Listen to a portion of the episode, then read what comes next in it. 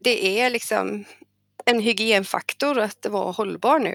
Eh, så ja, om man jobbar med transport så är det elektrifiering som gäller på ett eller annat sätt.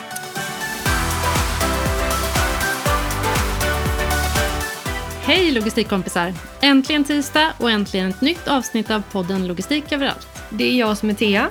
Och det är jag som är Åsa. Idag ska vi prata mer om en spännande teknik som visserligen funnits länge men som ändå känns väldigt mycket som framtiden. Vi ska prata om vätgas. Ja, vi har så många frågor om den här tekniken och hur den kan användas. Kommer vi kunna köra vätgasdrivna lastbilar och andra fordon framöver? Och varför ska vi ens det? Mm. Som tur är så har vi kallat in en riktig expert som ska reda ut våra frågetecken idag. Det har vi och det ska bli så kul att få veta mer. Innan vi hoppar in i dagens intervju vill vi bara påminna om att vi finns i sociala medier, både på Instagram och LinkedIn. Sök på logistik överallt för att hitta oss där. Och skriv gärna till oss vad du tycker om den här podden. Vi älskar ju när ni hör av er och berättar vad ni tycker om avsnitten eller också när ni tipsar oss om vad ni vill höra framåt. Ja, och gillar du vår podd så tipsa gärna era vänner eller logistikkollegor som också borde lyssna på Logistik överallt. Mm. Men du Åsa, det här avsnittet är ju i samarbete med vår fantastiska partner Business Region Örebro. En region som verkligen ligger i framkant, inte minst inom logistikområdet. Ja, och idag ska vi ringa upp Viktor Sundliden för Business Region Örebro. Hej Viktor! Du jobbar ju för Business Region Örebro, men vad gör du där? Det stämmer. Eh, jag jobbar som investering och etableringsansvarig för Business Region Örebro. Det betyder att jag ansvarar för marknadsföringen och positioneringen för vår region för de bolag som antingen ska flytta in eller flytta ut eller flytta om. Men eh, mitt jobb är att få fler bolag till Örebroregionen. Och ni har ju väldigt mycket spännande saker för er i regionen. Ni har ju också något som heter Forum för logistik. Vad är det för någonting? Forum för logistik det är vårt nätverk för alla som verkar i branschen. Och eh, det har eh, börjat en gång i tiden för de bolag som finns i vår region men växt sig både stort och starkt så nu är det även bolag som är utifrån vår region och ett och annat internationellt bolag faktiskt. Där försöker vi verka kunskapshöjande och eh, innan pandemin slog till så var det mycket studiebesök hos varandra. Det är alltså ett nätverk där vi verkar för kunskapsutbyte och idéutbyte. Om man vill gå med i det här nätverket, då, hur gör man då? Ja, då mejlar man till mig eller man går in på vår hemsida där det finns en liten pling som dyker upp i rutan som frågar skulle du vilja vara med i Forum för logistik? Så är man välkommen. Då läggs man till i vår e-postlista och får all information. Ni har också börjat prata mer om vätgas i regionen. Varför då? Fordonsbranschen och logistikbranschen har väl i många år nu funderat på vad blir nästa tekniklösning? Vad blir nästa tekniksteg? Och många små trevande till försök har gjorts. Eh, nu verkar det ändå som att när vi kikar runt i vår omvärld som att vätgas är en stark kandidat för eh, framtiden och då tänkte vi att det måste vi kika mer på. Tack så mycket Viktor. Tack själva. Till Business Region Örebro för att ni valt att samarbeta med oss. Ja, stort tack. Vi älskar att jobba med partners som vågar sticka ut från mängden och vill ligga i framkant. Nu rullar vi veckans intervju.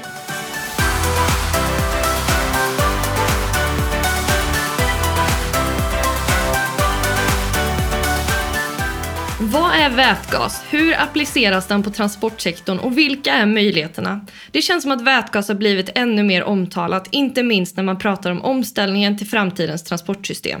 Idag gästas vi av Anna Alexandersson. Hon är enhetschef på RISE inom energiomvandling och ansvarig för arbetet inom vätgasteknikområdet. Det hon inte vet om vätgas är inte värt att veta.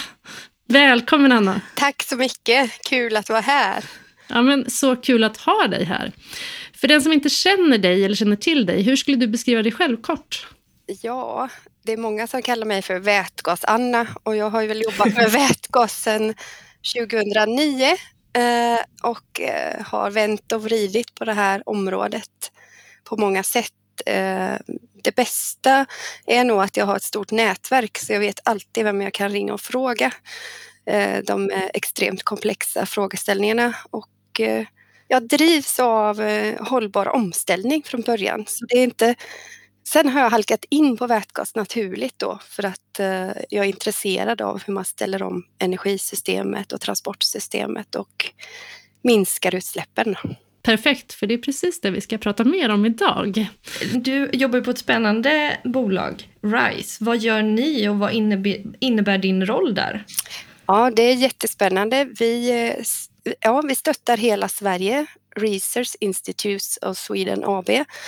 Eh, det är en massa olika institut som har slagits samman till ett stort svenskt institut. Eh, vårt uppdrag kommer från Näringsdepartementet och vi stöttar dem med hållbar omställning och innovation, både industri och eh, offentliga aktörer. Då. Min roll är att jag är chef över team med batteriforskare, bränslecellsforskare och vi jobbar också med elektrolys och med vätgas i ett systemperspektiv. Och vi driver eh, många projekt eh, i konsortier med olika partners då som vi bygger upp de här konsortierna på en lämplig trippelhelix-struktur eh, och eh, jobbar då med håll, hållbar omställning på olika sätt eller eh, ren teknikutveckling. Det kan vara lite, lite olika inriktning av de här projekten. Men om vi börjar från början då med att reda ut lite begrepp. Vad är vätgas och hur framställs vätgas? Mm. Om man tänker sig vätgas, det är ju ett grundämne, ett, det lättaste grundämnet i periodiska systemet, H2 då. Det behöver man eh, framställa då, utan det, eh, det finns inte i så stor mängd naturligt. Eh, så det man gör, man kan producera vätgas från flera olika sätt då.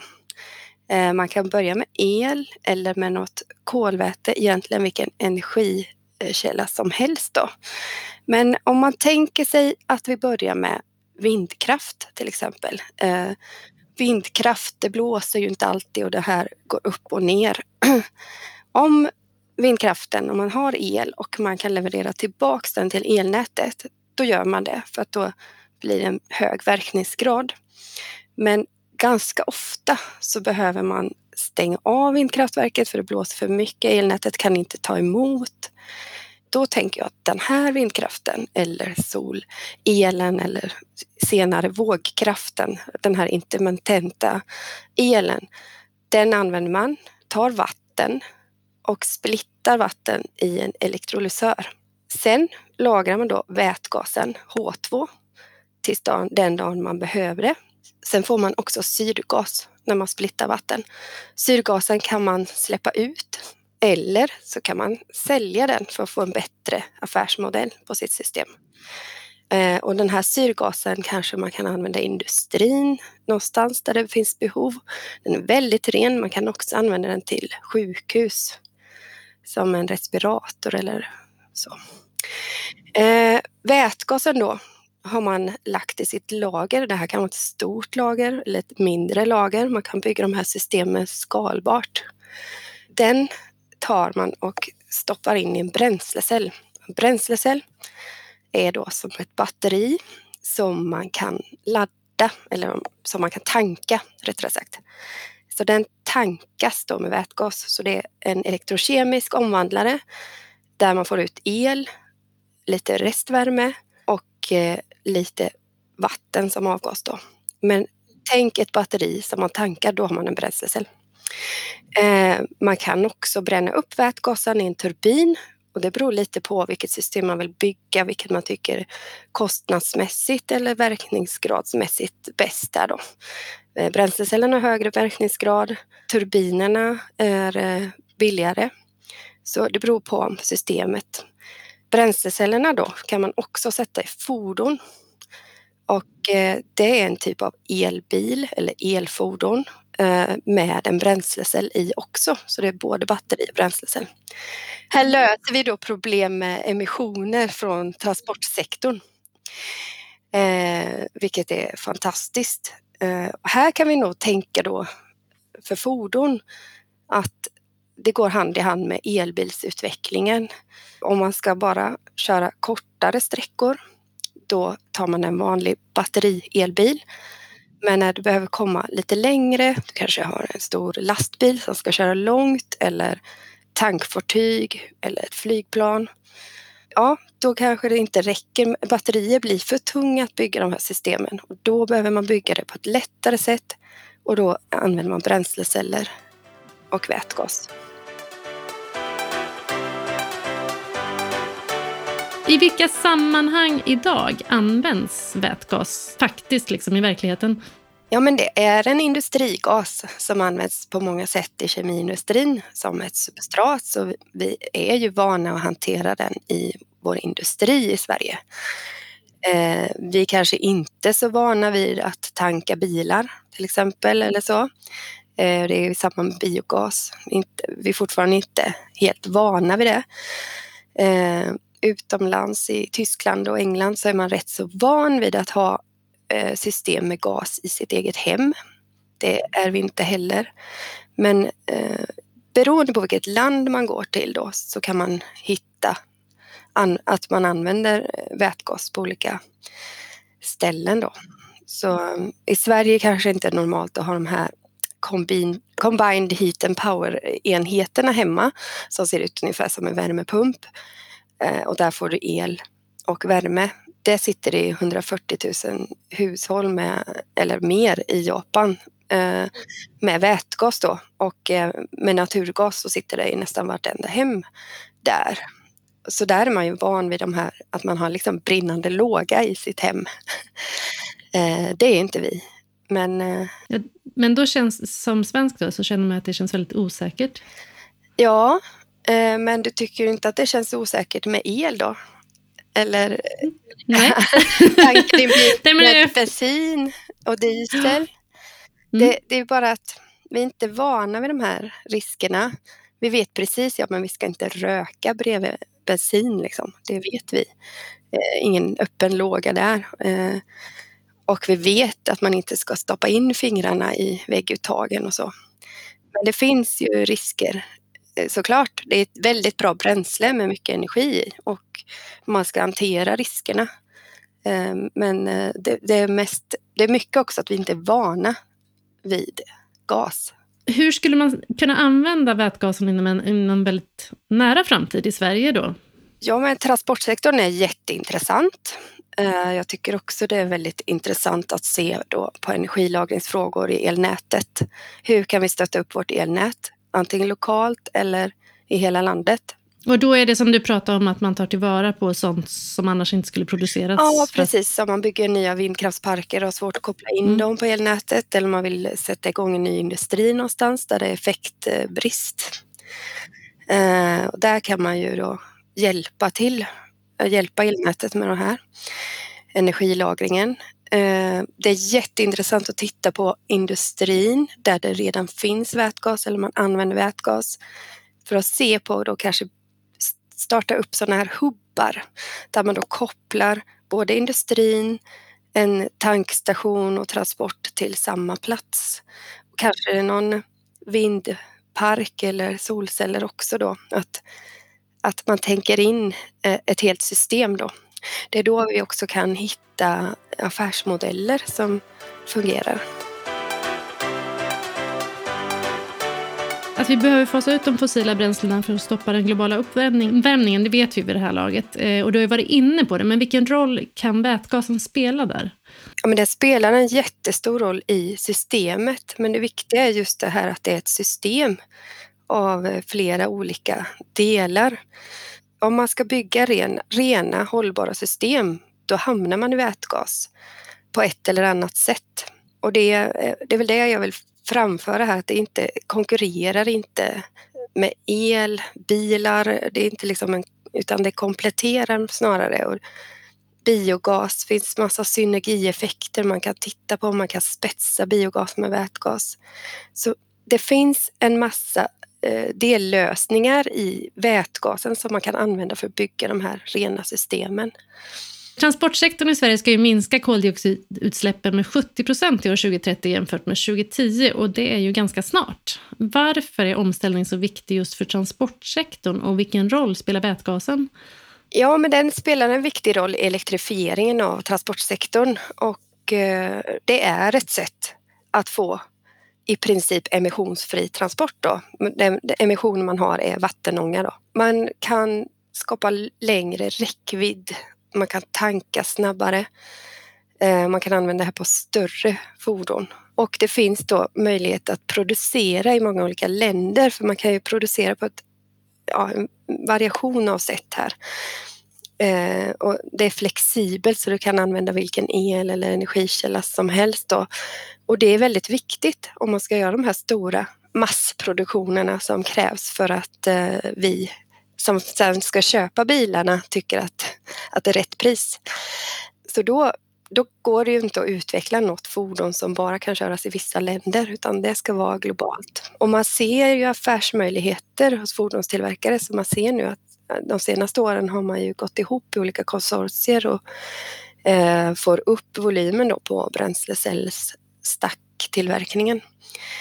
Man kan också skapa den här flexibiliteten i elnätet med vätgastankstationer.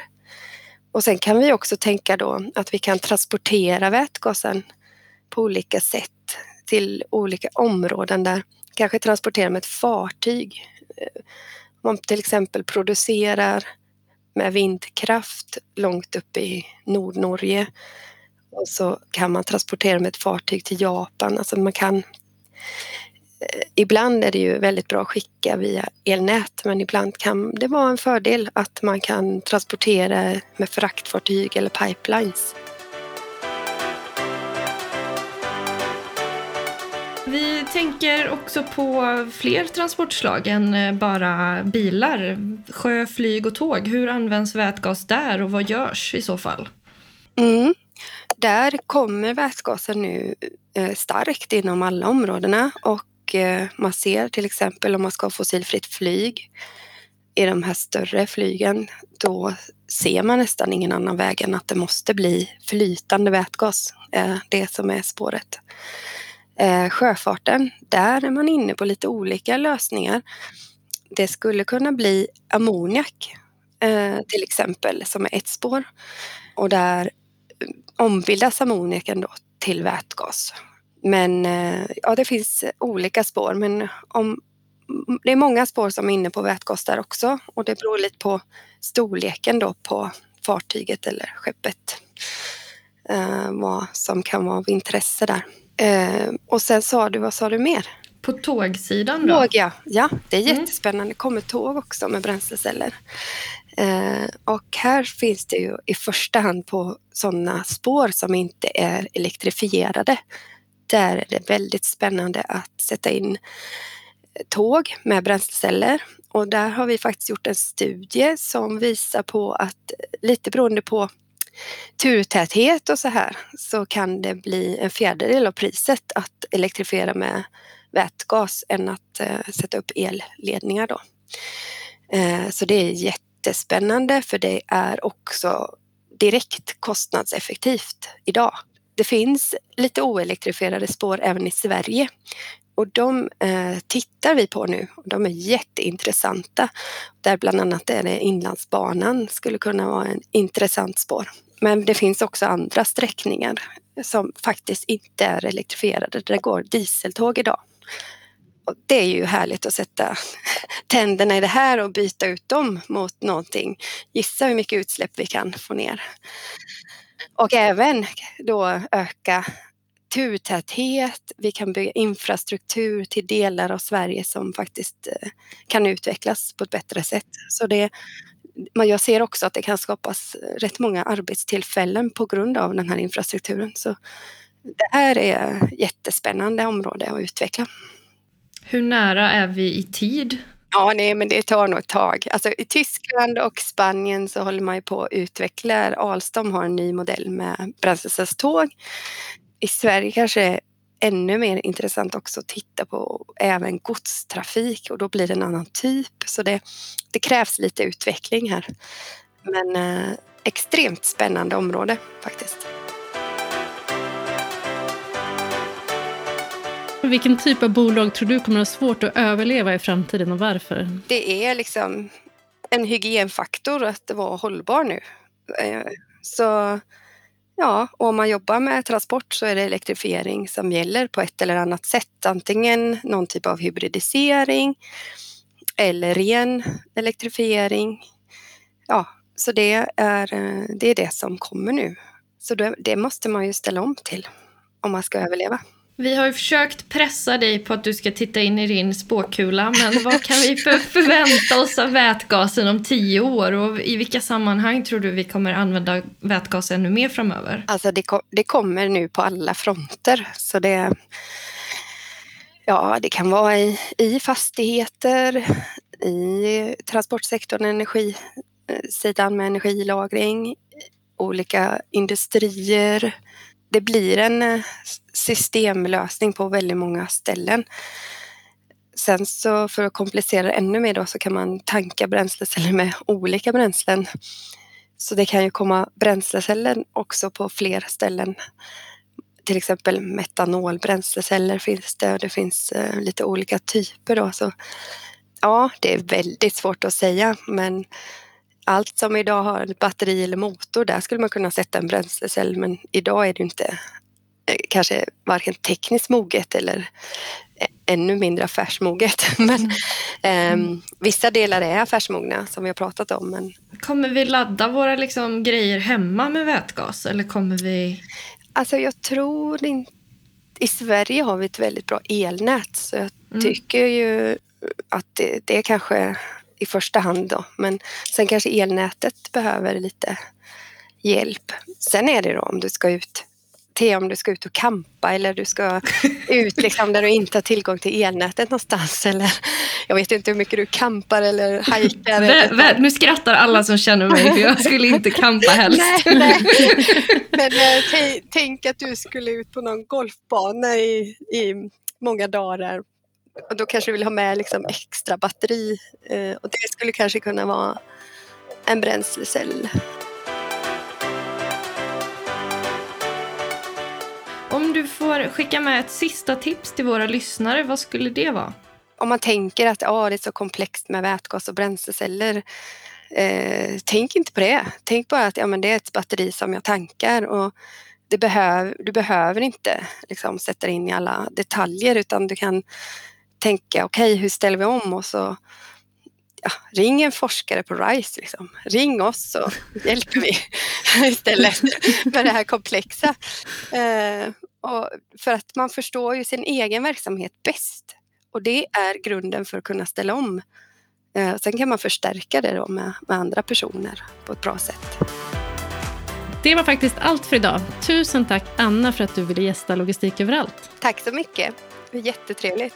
Och stort tack till dig som har lyssnat på det här avsnittet. Skriv gärna vad ni tyckte om avsnittet till oss på LinkedIn eller på Instagram. Sök på logistik överallt så hittar ni oss där. Redan nästa vecka är vi tillbaka med ett bonusavsnitt där Anna slår hål på några vanliga fördomar om vätgas och lyfter vilka branscher som borde anamma vätgastekniken framöver. Glöm inte heller att du kan läsa en sammanfattning av det här avsnittet på dagenslogistik.se och där hittar du också andra spännande och aktuella logistiknyheter. Vi hörs snart igen.